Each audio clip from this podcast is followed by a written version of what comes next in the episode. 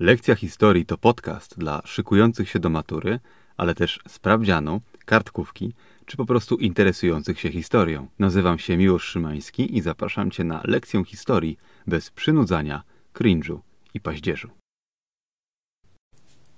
Lekcja 33. Wielka wojna.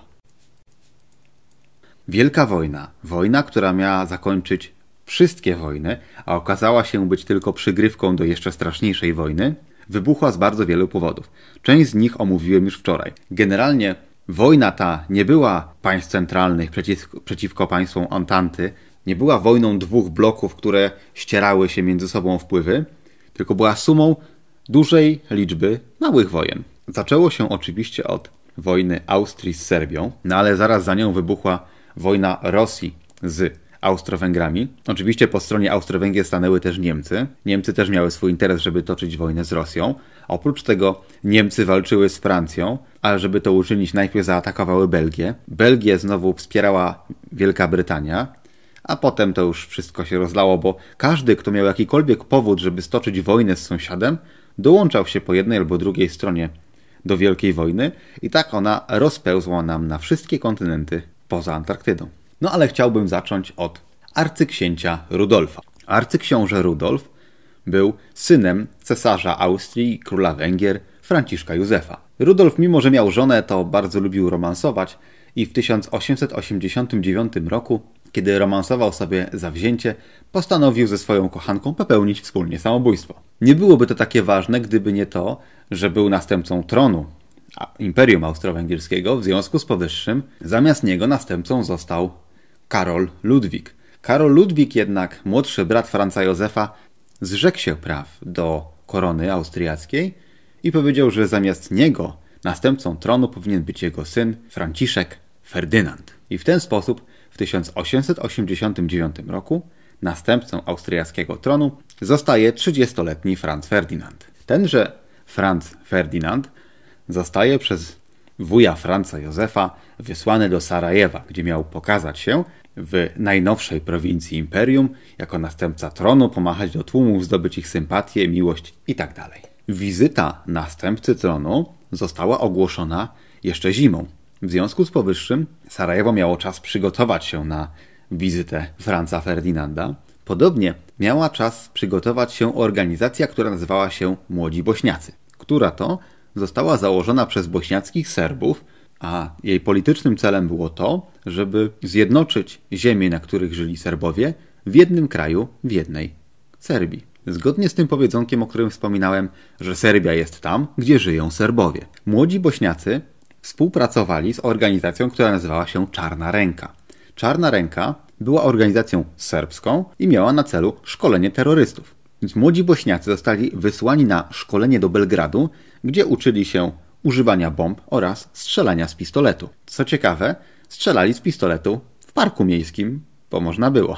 Po krótkim szkoleniu wrócili do Sarajewa i sknuli plan zabicia następcy tronu. Jednakowoż ich plan był dość dziecinny, nie był właściwie planem. Już po prostu zastrzelał następcę tronu, jak nadarzy się okazja, stojąc w tłumie. No, taki był mniej więcej ich plan. Sytuacja była taka, że 28 czerwca Franz Ferdynand jechał do ratusza sarajewskiego na oficjalne przywitanie. Żeby to uczynić, musiał przejechać drugą stronę miasta przez jeden z siedmiu mostów. Na każdym z tych mostów czekał jeden zamachowiec. Kiedy samochód wiozący Franca Ferdynanda przejeżdżał przez jeden z tych mostów, zamachowiec rzucił w niego bombą. Jednakowoż bomba ta odbiła się od dachu i nie skrzywdziła następcy tronu, zraniła jednak dwóch ludzi z obstawy. Franz Ferdynand dojechał do ratusza nieskrzywdzony, tam nastąpiło jego oficjalne przywitanie, wszelkie uroczystości i potem postanowił on zmienić plan i pojechać do szpitala, żeby odwiedzić tych dwóch rannych ludzi, sprawdzić, czy wszystko z nimi jest w porządku. Jednakowoż kierowca do końca nie wiedział, jak jechać, a samochód nie miał działającego biegu wstecznego. W związku z powyższym auto musiało się zatrzymać na polecenie generała Potiorka, który był wtedy szefem ochrony następcy tronu. I wtedy, kiedy auto zatrzymało się, żeby spróbować zawrócić na Sarajewskiej ulicy, podbiegł do niego 19-letni Gavrilo Princip, oczywiście członek młodych bośniaków, wyciągnął pistolet i oddał dwa strzały, jak okazało się śmiertelne, do następcy tronu. Franz Ferdynand umarł jeszcze tego samego dnia, podobnie jak jego żona. W kraju została ogłoszona żałoba narodowa i nastąpiła fala aresztowań bośniackich Serbów. Aresztowano ich 5 tysięcy. Odbył się także proces Gavrilo Principa, którym został skazany na dożywotnie pozbawienie wolności, gdyż nie można go było skazać na karę śmierci, ponieważ karę śmierci orzekano tylko wobec sprawców starszych niż lat 20, a Principowi brakowało 27 dni do 20 urodzin. To wzruszające, jak bardzo państwem prawa były Austro-Węgry. Dość powiedzieć, że Gavrilo Princip dożył swoich dni w więzieniu, gdzie zmarł wiosną 1918 roku na gruźlicę kości, wywołaną skandalicznymi warunkami sanitarnymi panującymi w więzieniu, to znaczy chłodem i wilgocią. Może to i lepiej, bo gdyby nie dokonał zamachu na następcę tronu i trafił do austro-węgierskiej armii, pewnie zginąłby w jednej z bezsensownych kampanii, których pełna była ta wojna. Może w ataku gazowym, może w bombardowaniu okopów, a może po prostu z głodu i zimna gdzieś na górskiej przełęczy. To, co wydarzyło się po zabiciu następcy tronu, woła o pomstę do nieba, gdyż 7 lipca, a więc półtora tygodnia po zamachu, nastąpiło spotkanie rządu austro-węgierskiego, na którym ustalono, że wojna z Serbią jest potrzebna. Za wojną najmocniej agitował Konrad von Hotzendorf, który był szefem sztabu armii imperialnej, że był zatwardziałym imperialistą i przez ostatnie półtora roku 26 razy proponował rządowi rozpoczęcie wojny z którymś z krajów. Był to człowiek, który uważał, że jakakolwiek wojna nie zostanie wywołana, to przecież zostanie przez austro-węgierskie imperium wygrana. Mówiono o nim, że jest najgorszym rodzajem oficera, ponieważ jest równocześnie głupi i energiczny. Tym wszystkim 26 propozycjom wszczęcia wojny sprzeciwiał się sam Franz Ferdynand. Dlaczego? Ano dlatego, że Franz Ferdynand nie chciał wojny, ale nie dlatego, że był jakimś liberałem i miłującym demokrację człowiekiem. O nie. Był bardzo konserwatywny, był również imperialistą, uważał Serbów za na wpół zwierzęta i generalnie nie był człowiekiem, którego dało się lubić, dość powiedzieć, nikt go ponoć nie lubił. Natomiast Franz Ferdynand miał dwie cechy, których zabrakło innym ówczesnym władcom europejskim. Mianowicie, po pierwsze, przedkładał interes państwa ponad własne poglądy. Tutaj pozdrawiamy Kaisera Wilhelma II. A po drugie, absolutnie przeciwny był jakiejkolwiek wojnie z Rosją, gdyż uważał, że jest to zbyt ryzykowne i niepotrzebne. Przy okazji, mimo że uważał Serbów za pół ludzi, to życzliwie odnosił się do pomysłu, żeby Imperium Austro-Węgierskie z monarchii dwuczłonowej przerobić na monarchię trzyczłonową, czyli austro-węgiersko-jugosławiańskie, co pozwoliłoby zmniejszyć napięcia wewnątrz imperium, a także możliwe, że dołoży, dołączyć do niego kolejne ziemie, gdyż Czarnogóra, Serbia były państwami niepodległymi. Dość powiedzieć, że był to plan podobny do stworzenia Rzeczypospolitej Trojga Narodów z Rusią jako trzecim członem, co mogło ją uratować. I smutne jest trochę, że to właśnie zamach na takiego człowieka z takimi poglądami wywołał wojnę, która przekreśliła wszystkie tego typu plany i doprowadziła do śmierci tylu ludzi. W tydzień po spotkaniu rządu austro-węgierskiego do Wiednia dociera tajny raport. Z raportu tego wynika, że rząd Serbii nie, ma, nie miał nic wspólnego z zamachem na arcyksięcia Franciszka Ferdynanda. Dla pana Hotzendorfa to musiało być strasznym rozczarowaniem. Niemniej jednak 19 lipca rząd austriacki wystosował ultimatum wobec Serbii. Ultimatum składało się z 12 punktów, natomiast dwa najważniejsze z nich stanowiły, że Serbia ma potępić antyaustriacką propagandę wewnątrz Serbii i karać za jej rozpowszechnianie, a także że Austriacy wezmą udział w sądzeniu Serbów winnych antyaustriackiej propagandy, w tym także szkolenia Gavrilo Principa i jego kolegów. Było to ultimatum dość kategoryczne i zostało napisane w taki sposób, żeby Serbia je oczywiście odrzuciła. Jednakowoż Serbowie nie byli głupi. Nie chcieli wszczynać wojny z Austro-Węgrami, gdyż Serbia była dwunastokrotnie mniejsza od Austro-Węgier. W związku z powyższym, po upłynięciu półtorej doby z dwóch, które Austriacy wyznaczyli jako czas na zastanowienie się, z Belgradu przyszła odpowiedź. Odpowiedź ta była następująca. Serbowie zgadzali się na 11 z 12 punktów, natomiast jeżeli chodzi o udział austriackich sędziów, uznali, że nie jest to dopuszczalne, by sędziowie obcego kraju orzekali w Serbii i ten punkt powinien zostać rozpatrzony przez Trybunał w Hadze. Była to odpowiedź niezwykle zręczna i jak najbardziej pozytywna. Niemniej jednak Austriacy uznali to za odrzucenie ultimatum, a więc powód do wywołania wojny. Car Mikołaj II, który roztaczał swoją opiekę nad ludami chrześcijańskimi Bałkanów, które wcześniej należały do Imperium Otomańskiego, zaproponował mediację. Mediacja ta została oczywiście odrzucona przez Franciszka Józefa, cesarza austriackiego. Nawet Brytyjczycy próbowali mediować i chcieli przekonać Niemców do tego, żeby przekonali Austriaków, żeby zasiedli wspólnie z Rosją i jakoś tę sprawę rozwiązali. Austriacy i Niemcy powiedzieli kategorycznie nie. Austriacy czuli się mocni, gdyż bezpośrednio po śmierci Franza Ferdynanda Niemcy ustami Kaisera Wilhelma II powiedziały, że dają Austrii czek in blanco, można powiedzieć, na robienie co im się podoba. Niemcy będą swojego najbliższego sojusznika wspierać zawsze i wszędzie. Po czym, kiedy Kaiser Wilhelm to powiedział, dodał do swoich współpracowników, że on nie wierzy w żadną wojnę, wsiadł na statek i popłynął do Norwegii na trzytygodniowe wakacje. To najlepiej dowodzi tego, że on tej wojny się nie spodziewał. Aczkolwiek był świadom, że musi jakaś wojna wybuchnąć. Dlaczego?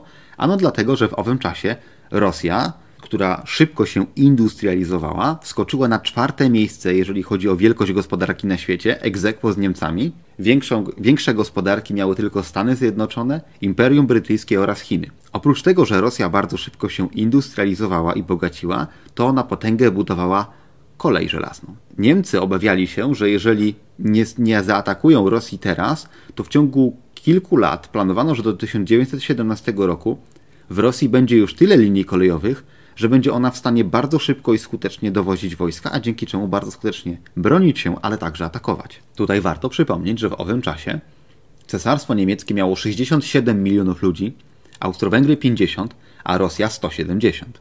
To powodowało, że, mo że mogła wystawić odpowiednio więcej żołnierzy, ale też miała odpowiednio więcej robotników i odpowiednio większe zaplecze do toczenia wojny.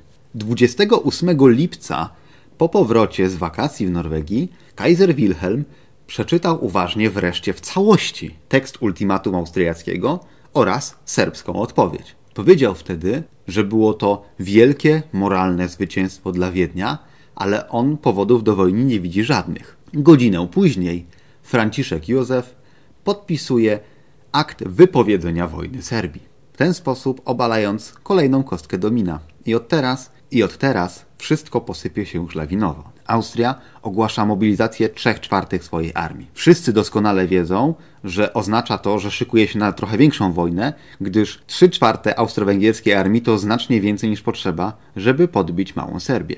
Początkowy plan austriacki był taki, żeby albo żeby albo podbić część Serbii, albo żeby stoczyć szybką wojnę i zmusić ją do kapitulacji i w traktacie pokojowym uzależnić ją od siebie gospodarczo. Raczej nie planowano podboju całego państwa, gdyż Austria miała dość mniejszości narodowych, o czym już wielokrotnie mówiłem. Jednakowoż w sytuacji, w której Austria na potęgę się zbroi i zaczyna wojnę z Serbią, odzywa się Rosja, protektorka Serbii. Car Mikołaj, który był kuzynem zarówno Wilhelma II, jak i króla angielskiego Jerzego V, z którym to car Mikołaj wyglądali jak bracia bliźniacy. Zgooglujcie sobie Jerzy V, Mikołaj II, ich wspólne zdjęcie. Po prostu miodzio.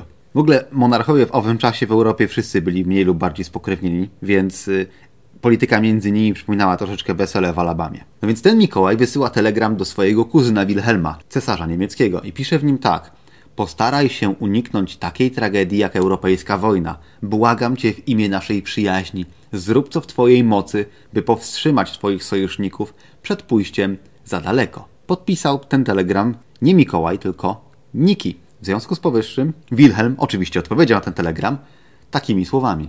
Wybieram maksymalny wpływ, by przekonać Austriaków do załatwienia tego w sposób zadowalający dla ciebie. Podpisano Willy. No to wszystko bardzo wzruszające, ale zaraz panowie przestaną się lubić.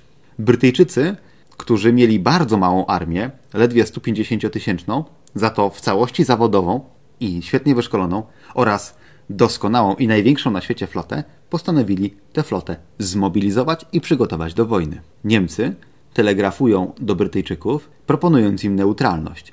Jeżeli Brytyjczycy pozostaliby w woj ewentualnej wojnie z Francją neutralni, to Niemcy obiecują, że nie zabiorą Francji żadnego terytorium, nie licząc kolonii. Tu aluzja do wojny prusko-francuskiej, która skończyła się przyłączeniem do Prus, Lotaryngii i Alzacji, a przy okazji gigantyczną kompromitacją Francji. W tym samym czasie, z polecenia cara Mikołaja, mobilizowana jest armia rosyjska. Pod bronią staje 6 milionów ludzi, ale do końca wojny Rosja zmobilizuje 12 milionów żołnierzy. Napięcie narasta, kiedy część ze zmobilizowanych rosyjskich żołnierzy trafia na granicę z Austro-Węgrami. Wszystkie armie naciskają na swoje rządy, żeby ogłosić mobilizację, ale niekoniecznie po to, żeby toczyć wojnę, tylko po to, żeby armia miała czas, żeby się przygotować. 1 sierpnia Niemcy wystosowują ultimatum wobec Belgii, którym mają zgodzić się na przemarsz wojsk niemieckich przez swoje terytorium. Oczywiście takie ultimatum było nie do przyjęcia, bo byłoby równoznaczne z kapitulacją tejże Belgii. A Belgia czuła się w miarę pewnie, ponieważ wiązał ją traktat obronny z Wielką Brytanią. Dlaczego Niemcy potrzebowali przemaszerować przez Belgię? Ano dlatego, że w doktrynie wojennej niemieckiej bardzo istotne miejsce zajmował plan Schlieffena. Plan Schlieffen do 1905 roku był szefem sztabu armii cesarskiej i wymyślił, że najlepszy sposób na stoczenie skutecznej wojny dla Niemiec to możliwie szybkie podbicie Francji, tak żeby móc skupić maksymalnie dużo uwagi na wojnie z Rosją, która jest znacznie trudniejszym przeciwnikiem. Plan ten zakładał, że żeby w ciągu sześciu tygodni podbić Francję, to armia musi przejść przez terytorium neutralnej Belgii i stamtąd od północy uderzyć na Paryż i go zająć. Wtedy, po neutralizacji Francji, będzie można spokojnie skupić się na walce z Wielką Rosją. Ciekawostka jest taka, że z tego planu skorzysta także Hitler. I jemu też się nie uda. No ale nie będę więcej spoilerować. Następuje pełna mobilizacja wojsk rosyjskich. Na drugi dzień następuje pełna mobilizacja wojsk niemieckich. Niemcy wystosowują depeszę do Rosjan z żądaniem natychmiastowego zaprzestania mobilizacji wojska. Oczywiście Rosjanie ignorują tego typu żądanie, w związku z powyższym 1 sierpnia następuje oficjalne wypowiedzenie wojny Rosji przez Niemcy. A dzieje się to w ten sposób, że ambasador niemiecki wręcza dwie depesze. Treść jednej depeszy została napisana z zamysłem takim, że Rosjanie nie odpowiedzieli na niemieckie ultimatum i ona je potępia, a druga depesza stanowiła, że odpowiedź rosyjska na niemieckie ultimatum jest nie do przyjęcia. Że Rosjanie na te depesze nie odpowiedzieli, no ale ambasador jak najwyżej chyba z emocji się pogubił i dał obie na wszelki wypadek. Niemniej jednak efekt był taki sam, Niemcy znalazły się w stanie wojny z Rosją. Następnego dnia, tak żeby się nie nudzić i otworzyć sobie imprezę na drugim froncie, zgodnie z planem Schlieffena, Niemcy wkraczają do Luksemburga, zajmują linie kolejowe i zabezpieczają linie telegraficzne, które mają posłużyć lepszej komunikacji i przerzucaniu wojsk. Tego samego dnia wkraczają także do Belgii i do Francji, przechodząc przez terytorium Luksemburga. I równocześnie z wkroczeniem wojsk niemieckich w nocy z 2 na 3 sierpnia Niemcy wypowiadają Francji wojnę wypowiadają także Belgii. 4 sierpnia Wielka Brytania wypowiada wojnę Niemcom zgodnie ze swoimi traktatami sojuszniczymi z Francją i Belgią. Przy okazji Brytyjczycy ogłaszają powszechną blokadę morską Niemiec. Wreszcie 6 sierpnia Austro-Węgry wypowiadają wojnę Rosji, a 8 sierpnia dzieje się to, na co czekali wszyscy. Czarnogóra wypowiada wojnę Niemcom. Wreszcie 27 sierpnia Japonia wypowiada wojnę Niemcom, gdyż Japonia w I wojnie światowej walczyła po stronie Entente. Wszystkie kraje radośnie wypowiadały sobie wojnę, ponieważ wszyscy myśleli, że wojna ta potrwa co najwyżej do świąt, a więc 4 miesiące. Mylili się okrutnie, co wiemy już dziś. Natomiast w owym czasie ludzie myśleli, że ta wojna nie potrwa zbyt długo, bo tak kiedyś wyglądały wojny. Następowała krótka kampania, wojsko maszerowało, toczyło się kilka walnych bitew, po czym osiągano taktyczne założenia, wojna się kończyła. Trwała kilka miesięcy, no może czasem rok albo dwa, ale to były kolejne kampanie, podczas których przez zimę nie działo się nic. Tak były toczone wojny do tej pory. Natomiast pierwsza wojna katapultowała cały świat z połowy XIX wieku wprost w XX wiek. Największym problemem I wojny światowej i powodem śmierci większości zwykłych żołnierzy było to, że technologia dostępna była już dwudziestowieczna, ale mentalność była ciągle XIX-wieczna, co powodowało, że dowódcy myśleli, że osiągną swoje ambitne cele raz, dwa, relatywnie i mając relatywnie niewielkie straty, trochę nie będąc świadomym, jak potężną bronią jest artyleria albo karabiny maszynowe. Jedni z najważniejszych dowódców w rozlicznych armiach byli ludźmi albo oderwanymi od rzeczywistości, albo po prostu idiotami. Weźcie na przykład mojego ulubionego Karla von Hotzendorfa, który nie dość, że ze wszystkich sił parł do wojny i robił wszystko, żeby wreszcie jakaś wojna wybuchła, to był to gość, który polecił, aby do Serbii wysłać więcej armii niż oryginalnie zaplanowano i na ile się umówili z Niemcami, po to, żeby ją szybciej podbić. Tymczasem mniej austriackich żołnierzy trafiło na front rosyjski, przez co Niemcy musieli wysłać na front wschodni więcej żołnierzy, co gwarantowało, co gwarantowało zastój. Przy okazji, już w sierpniu, w pierwszym miesiącu wojny, ustali się pewien schemat działania, który potrwa 4 lata. A więc Austriacy robią coś źle i Niemcy muszą im bez przerwy pomagać. Co powoduje, że uwaga niemiecka jest rozdzielona na nie tylko na dwa fronty, ale jeszcze na pomaganie swojemu sojusznikowi, który kompletnie sobie nie radzi. I już w tym momencie było oczywiste, że państwa centralne tej wojny nie wygrają. Dla wszystkich oczywiście, poza nimi. I jakby tego było mało, Konrad von Hotzendorf mianował głównodowodzącym natarcia na Serbię generała Potjorka, tego samego, który popełnił absolutnie szkolne błędy w ochronie następcy tronu. Generał Potjorek był człowiekiem, który nigdy nie widział prawdziwej bitwy. Podobnie jak bardzo wielu innych dowódców w innych armiach. I nie dość, że generał Potjorek w życiu nie walczył w prawdziwej bitwie, to jeszcze nie lubił nowoczesnych wynalazków, takich jak granaty i artyleria. Gratulujemy, generale Potjorek. Oprócz tego, że generał Potjorek był niedojdą, to austro-węgierska taktyka wojenna również była kulawa. No dlaczego? Ano dlatego, że Imperium Austro-Węgierskie było duże, miało dużo ludności, ale powstało dość szybko w ostatnim czasie, więc linie kolejowe miały różne rozmiary, a poza tym sieć linii kolejowych nie była specjalnie gęsta. To znaczy, można było szybko i sprawnie dostać się z Wiednia do, Buda do Budapesztu, ale już niekoniecznie z Wiednia do Sarajewa. A przecież wojna toczyła się kawałeczek od Sarajewa w Serbii. W związku z powyższym, jak Niemcy połapali się że Austriacy wysłali za dużo armii do Serbii i kazali im zawrócić tę armię i wysłać na front rosyjski, to nie dało się tego zrobić, ponieważ linii kolejowych było mało i te pociągi musiały dojechać z Wiednia do Sarajewa, a dopiero z Sarajewa można je było puścić dalej, na przykład do Lwowa, żeby tam wyładować się przy froncie. A ponieważ bardzo wiele linii kolejowych miało tylko jedną linię, to wszystkie pociągi musiały jeździć de facto w kółko albo czekać na stacjach, żeby przepuścić inne pociągi.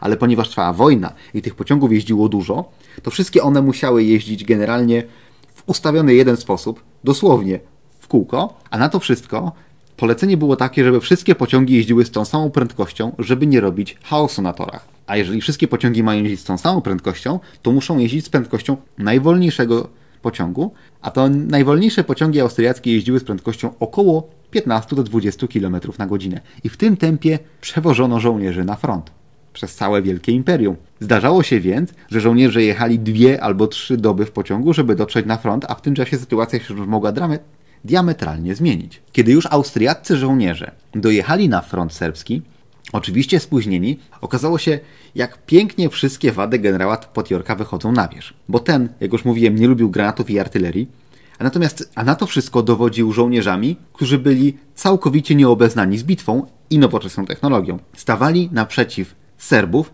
którzy nie dość, że walczyli u siebie, to jeszcze ostatnie trzy lata spędzili na wojnach i doskonale wiedzieli, co robią. Efekt był tragiczny. Wojsko cesarskie zostało było upokarzane raz za razem. Maleńka 4-milionowa Serbia zmobilizowała ponad pół miliona żołnierzy. Do końca wojny będzie ich łącznie 700 tysięcy. To znaczy, że w armii serbskiej służył co trzeci serbski mężczyzna. Austriacy, Austro-Węgry miały 50 milionów ludzi i zmobilizowały przez całą wojnę 8 milionów żołnierzy. Tylko spośród tych 8 milionów żołnierzy 3 czwarte to byli przedstawiciele narodów innych niż austriacki. W związku z powyższym ich motywacja do walki była niewielka. A szczególnie niewielka była wśród na przykład bośniackich Serbów, którzy za żadne skarby świata nie chcieli walczyć ze swoimi braćmi z Serbii. Bośniacy również nie byli zachwyceni takim układem. W ogóle, jeżeli chcecie wiedzieć więcej, jak wyglądała sytuacja w armii austro-węgierskiej, to serdecznie polecam powieść Przygody dzielnego wojaka Szwejka. Oczywiście jest to powieść, jest to fikcja literacka, ale świetnie oddaje ducha tamtych czasów w tamtej armii. Więc ci słabo zmotywowani, kompletnie nieopierzeni austro-węgierscy żołnierze spotykają się z weteranami dwóch wojen bałkańskich, którzy walczą u siebie, świetnie potrafią chować się w górach, a przecież Serbia jest bardzo górskim krajem, efekt jest katastrofalny. Austriacy mają ogromne straty, dowożą na front coraz więcej i więcej żołnierzy. I najgorsze jest to, żeby przeprawić się przez niektóre przełęcze, bo w Serbii są słabe drogi, trzeba się dosłownie wspinać po górach. Oczywiście, jak się człowiek wspina po górach, to nie może ciągnąć armaty. W związku z powyższym Austriacy zostawiają swoją artylerię, przez to jedną z niewielu przewag, przewag, jakie mieli. Efekt jest taki, że te wielkie, potężne Austro-Węgry będą musiały walczyć przez 4 miesiące, żeby wejść do Belgradu, który leżał ledwie kilkadziesiąt kilometrów od granicy.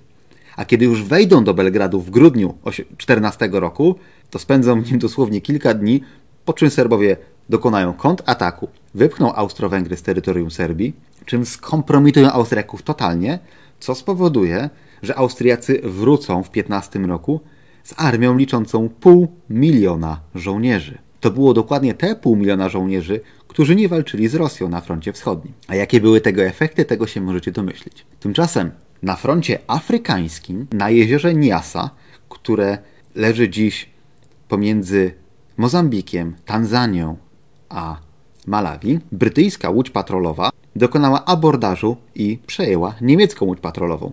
Kapitan niemieckiej łodzi patrolowej nie wiedział, że Wielka Brytania i Niemcy są w stanie wojny. Tymczasem na froncie zachodnim Brytyjczycy w ciągu 10 dni przerzucili niemal całą swoją 100-tysięczną armię przez kanał La Manche w ciągu 10 dni, nie tracąc ani jednego żołnierza.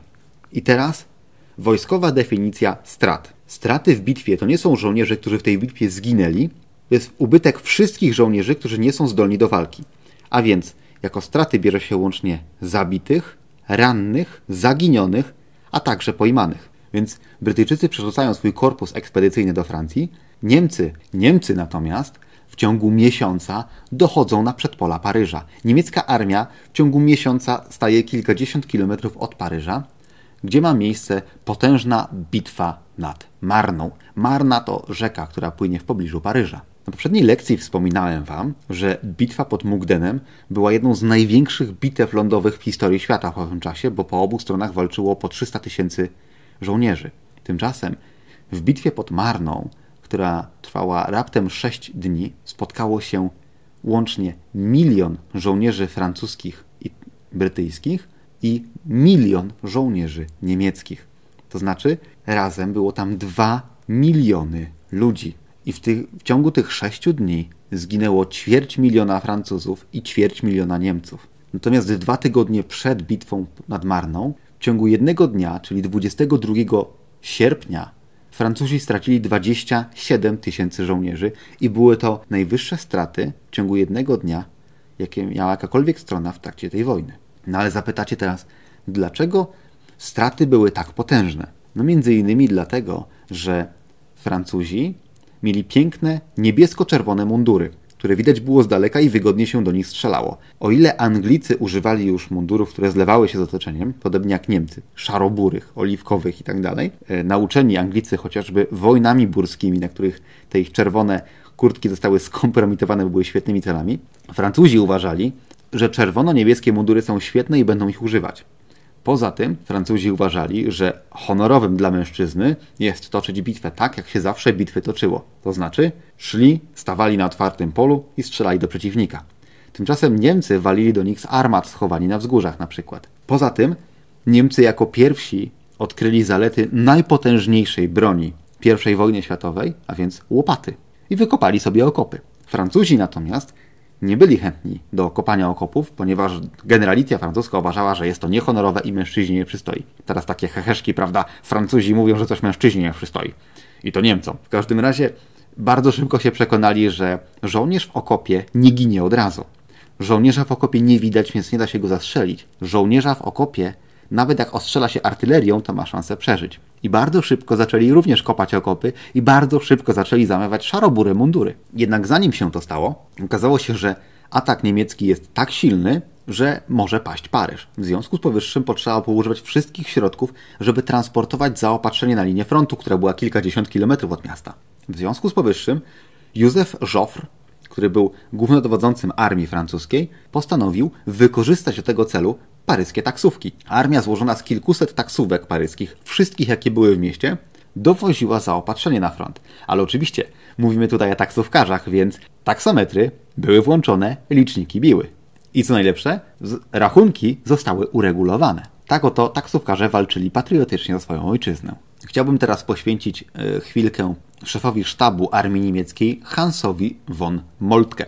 Hans von Moltke był typowym pruskim oficerem, który zakładał, że pruska armia jest niezwyciężona i pokona każdego i zawsze. No i jak się okazało, że bitwa pod Marną skończyła się przegraną niemiecką, to Moltke się rozsypał. Już wcześniej zdradzał objawy tego, że nie jest w stanie udźwignąć odpowiedzialności, jaką na siebie wziął. Jeszcze miesiąc wcześniej parł niestrudzenie do wojny i bardzo chciał, żeby Niemcy zrobiły wszystko, żeby jak najszybciej rozpocząć wojnę z Rosją i z Francją, pomóc Austro-Węgrom, podobnie jak jego genialny kolega Konrad von Hotzendorf. Więc Moltke, widząc jak ćwierć miliona niemieckich żołnierzy po prostu ginie całkowicie bezsensownie, ponoć powiedział do Kaisera Wilhelma: Wasza wysokość, przegraliśmy wojnę. To był wrzesień 14 roku, a wojna trwać będzie jeszcze ponad 4 lata. Dość powiedzieć, że bitwa pod Marną jest niezwykle istotnym momentem w historii tej wojny, gdyż bitwa ta wyznacza koniec szybkich postępów jakiejkolwiek strony na froncie zachodnim. Od tego momentu do końca wojny na froncie zachodnim front będzie się przesuwać bardzo niewiele. Wszyscy będą okopani, będą ostrzeliwać się artylerią, a poszczególne ataki będą kończyć się gigantycznym żniwem śmierci. No i teraz do tego duetu von Moltkiego i von Hotzendorfa dołącza trzeci genialny przywódca wojskowy, czyli Enver Pasza, który był ministrem wojny Imperium Otomańskiego. Enver Pasza również nie mógł się doczekać, aż Turcja dołączy do wojny. Enver Pasza był członkiem grupy młodotureckiej i, i chciał, żeby Turcja dołączyła się do wojny po to, żeby wykuć nową turecką tożsamość, nowe państwo, które będzie nacjonalistyczne, które będzie dla Turków, które pozbędzie się tego całego otomańskiego bagażu i będzie państwem nowoczesnym i silnym. I uważał, żeby to zrobić, to Turcja musi stoczyć wojnę. W związku z powyższym robił wszystko, żeby Turcję wkręcić do wojny, ale Turcy nie byli zainteresowani specjalnie wojną, ponieważ wszyscy wiedzieli, że Turcja jest słabsza od Niemiec i Austrii. Więc w razie wojny z Rosją, to na Turcji może skupić się rosyjski gniew. Niemniej jednak Enver Pasza dogadał się z Niemcami, został nawet wysłany statek, niemiecki zresztą, który miał ostrzelać rosyjski port w Sewastopolu i miał to robić w taki sposób, żeby na pokładzie widać było marynarzy, którzy chodzą w fezach, czyli tych czerwonych, walcowatych czapeczkach tureckich. Rosjanie oczywiście wypatrzyli przez lunety, że po pokładzie chodzą mężczyźni w fezach i myśleli, że to jest statek turecki. W związku z powyższym Rosja wypowiada wojnę Turcji, co Turcja w osobie Envera Paszy przyjmuje z ulgą i również wypowiada wojnę aliantom. Warto w tym momencie zaznaczyć, że w owym czasie sułtan nie miał żadnej władzy, a Turcją rządziło trzech paszów i najważniejszym z nich był minister wojny, czyli właśnie Enver Pasza. Tymczasem w, w miarę jak niemieckie postępy wyhamowują we Francji, to postępy aliantów przyspieszają w Afryce, gdyż wojska brytyjsko-francuskie zajmują niemiecką kolonię w Togo. Próbują także zająć niemiecką Afrykę Wschodnią, ale Niemcom udaje się obronić. I tutaj uwaga na boku, niemiecka Afryka Wschodnia to dzisiejsza Tanzania, Kenia, Rwanda i Burundi. Następnie Japonia w sojuszu z Australią zajmuje niemieckie kolonie na Pacyfiku, to znaczy niemiecką Nową Gwineę, a więc dzisiejszą Papułę, Wyspy Salomona, Palau, Mikronezję, Nauru, Wyspy Marszala oraz Samoa. Dość powiedzieć, że 20 lat później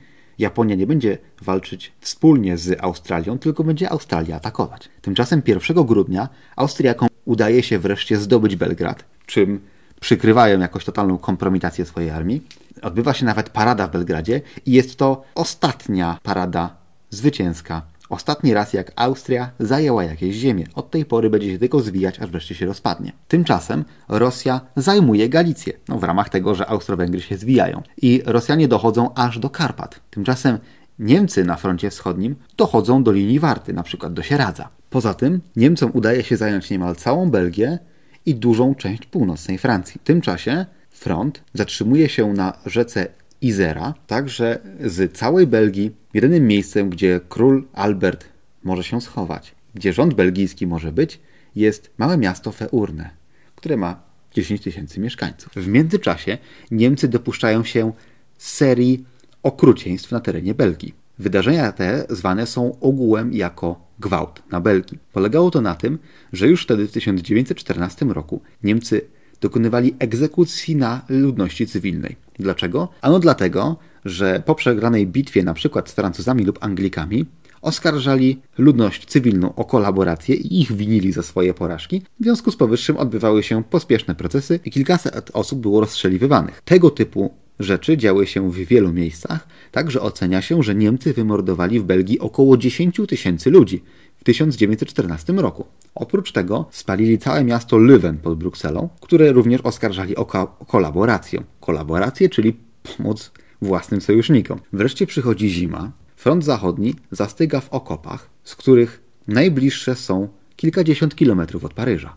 Natomiast na froncie wschodnim sytuacja zmienia się dynamicznie, ale jeszcze dynamiczniej sytuacja zmienia się na froncie południowym, ponieważ Turcja atakuje Palestynę i Egipt, swoje były prowincje, które aktualnie znajdują się pod władzą brytyjską. Na tym etapie straty w wojnie są ogromne. Tylko w pierwszych pięciu tygodniach wojny ginie milion ludzi. Milion ludzi w pięć tygodni. Do końca 14 roku straty te zbliżą się do około 2,5 miliona ludzi. 2,5 miliona ludzi ginie przez chore ambicje kilku kretynów, którzy mają władzę. Jedynym pocieszeniem w tym całym cierpieniu jest to, że w Boże Narodzenie francuscy, angielscy i niemieccy żołnierze wychodzą z okopów, składają sobie życzenia świąteczne, a nawet grają w piłkę. Jest to niespotykane. Dzieje się to tylko raz. W 15 roku Wzajemna nienawiść wywołana okropieństwami wojny spowoduje, że żołnierze drugi raz już nie wyjdą z okopu i nie będą sobie już niczego życzyć. Niczego poza śmiercią. Tak kończy się 1914 rok, pierwszy z pięciu, w trakcie których toczyła się największa do tego momentu wojna świata. Wojna, do której zmobilizowanych zostanie łącznie 70 milionów żołnierzy, których 9 milionów zginie. Zginie także 13 milionów cywilów bezpośrednio wskutek wojny i od 17 do 50 milionów niewinnych ludzi, którzy zginą w wyniku głodu, zarazy, ludobójstwa i innych okropieństw, które przynosi ze sobą wojna. I znów pojawia się ta przerażająca sytuacja, w której widełki są od 17 do 50 milionów ludzi. To znaczy nie wiadomo nawet dokładnie ile milionów ludzi straciło życie. Ogółem więc wojna ta przyniesie śmierć od 40 do 70 milionów ludzi. I dla wszystkich tych, którym wydaje się, że wojna to jest taka romantyczna impreza, tutaj mężczyźni idą, okrywają się chwałą, tak dalej, niech pomyślą o tych liczbach. Niech pomyślą o tych, którzy gnili w okopach, umierali na trąd, albo rozerwali granatem, albo umierali z zimna gdzieś w górskiej przełęczy po to, żeby przesunąć na mapie granice swojego kraju, bo taka jest chora ambicja tego czy innego generała, króla albo prezydenta. To tyle na teraz. Cześć.